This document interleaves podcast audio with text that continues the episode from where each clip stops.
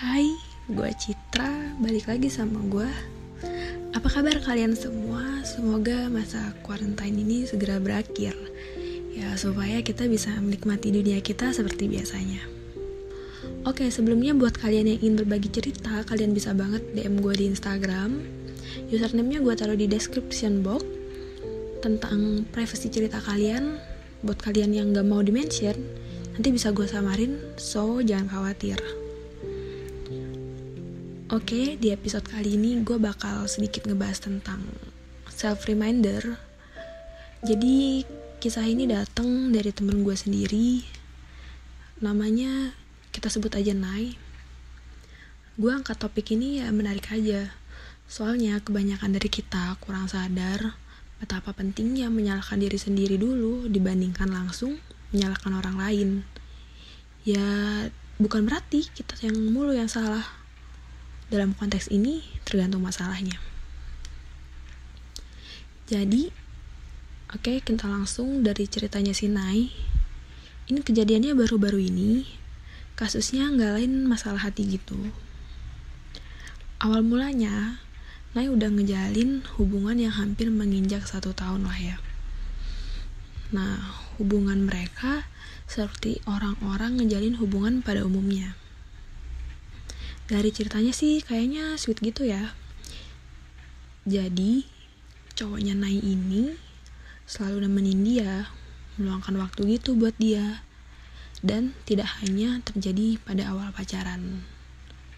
Yang biasanya ini terjadinya dominan pada awal pacaran dan yang masih anget-angetnya gitu gitu.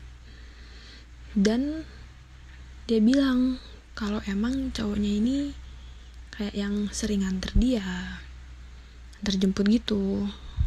Kalau mau ke kampus. Terus yang kayak mau makan siang doang gitu sampai disamperin. Sina nggak nyebutin si nyamperinnya tuh ke mana. Kalau menurut gue sih jarang-jarang ada yang cowok yang kayak gitu ya di saat seperti ini gitu bukan saat seperti ini maksudnya belakangan ini. Dan dari ceritanya Sinai um, itu bertahan sekitar 6 sampai 7 bulan. Wah lumayan lama ya kalau dipikir-pikir tuh 6 sampai 7 bulan ngabisin waktu bareng-bareng sama pacar gitu. Lumayan lama banget. Apalagi yang kayak nganter jemput mulu sering nganter lah sering jemput makan siang bareng. Wah hebat itu mungkin ini cuma beberapa serpihan kisah mereka yang disebutin sama Nai. Ada banyak lagi tapi yang gak disebutin lah ya. Oke. Singkat cerita orang tua mereka kayak yang udah sama-sama tahu hubungan mereka. Jadi nggak ditutup-tutupin gitu.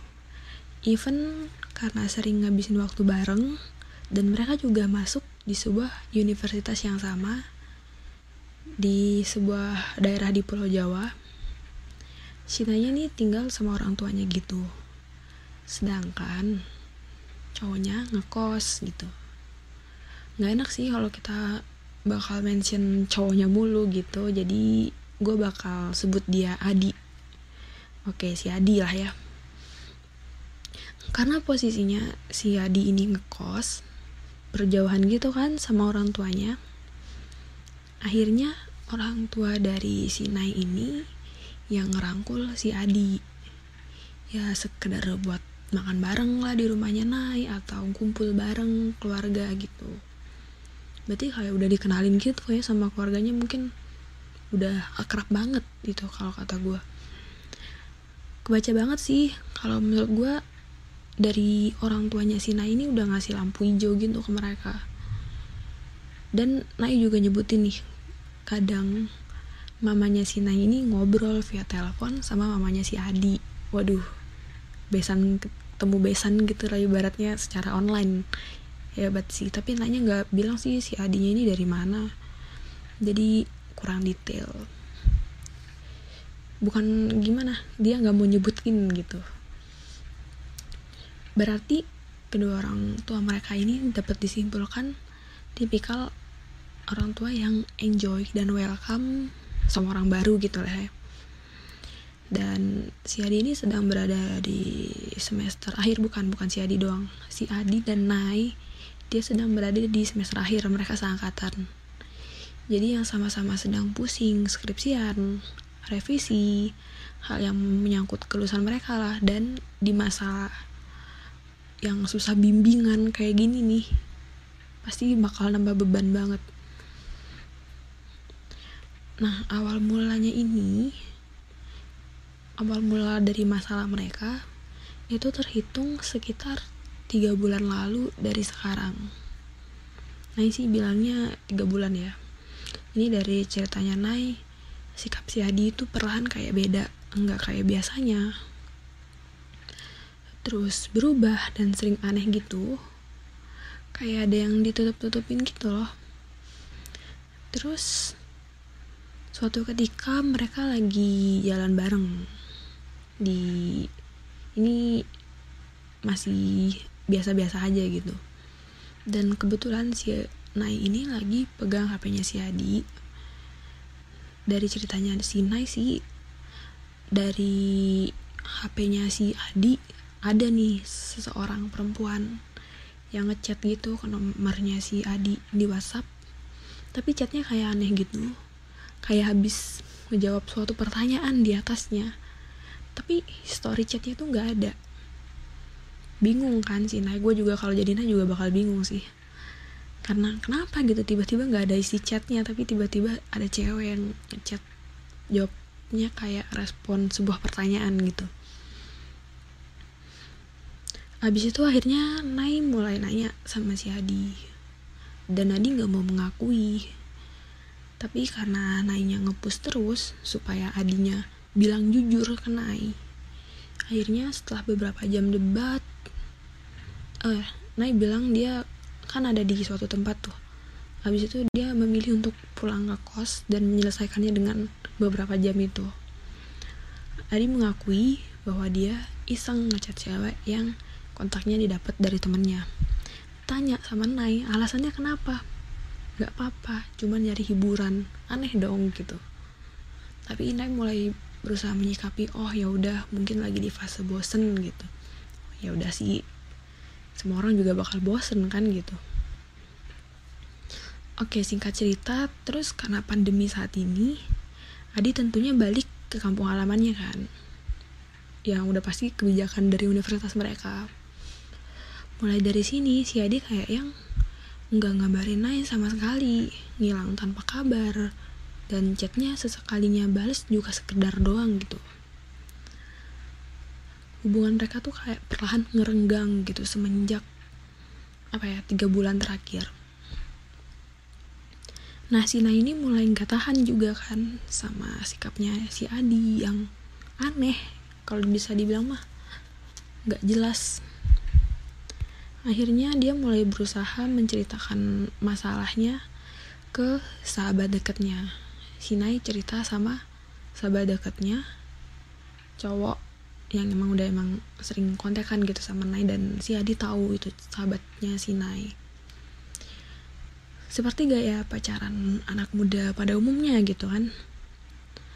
Um, Adi sama Nai ini bertukar akun Instagram dan berulang kali ada DM yang masuk ke Adi tapi sama kasusnya seperti yang sebelumnya. Pas Nai buka history chatnya tuh selalu hilang gitu. Hingga hubungan mereka ada di titik terendah yang kayak udah nggak ada sesuatu hal yang bisa mempertahankan gitu. Akhirnya hubungan mereka yang tersisa cuman ya kenangan doang lah sekarang mah udah. Artinya udah gak berhubungan lah ya. Namun gak semudah itu kan buat naik ngelupain masa lalunya. Jadi sebelum mereka mengambil keputusan ini kan Nainya nih cerita sama sahabatnya gitu. Sahabatnya ini bilang sama si Nai sebelum dia mengambil keputusannya ini coba deh uh, sahabatnya bilang gini coba deh kamu cari letak kesalahan kamu di mana tapi buat Nai susah kan dia nyari jawaban dari pertanyaan temennya itu. Dan setelah berhari-hari dia mencoba mencari jawabannya itu dan Nai nggak bisa menemukan gitu. Karena beberapa dikatakan sama Nai ini dia debat bukan debat sih berantem sama Adi.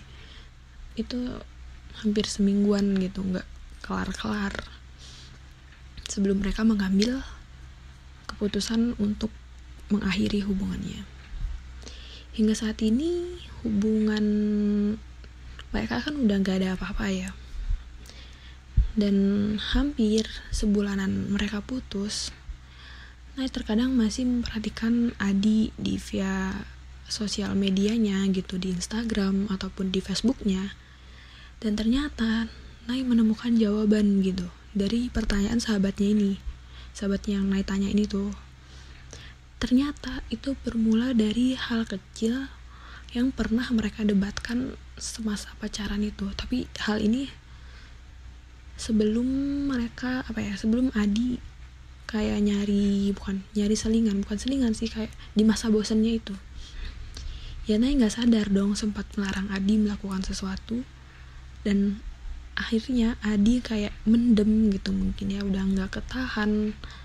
Akhirnya efek sampingnya dia berusaha mencari sesuatu hal yang baru.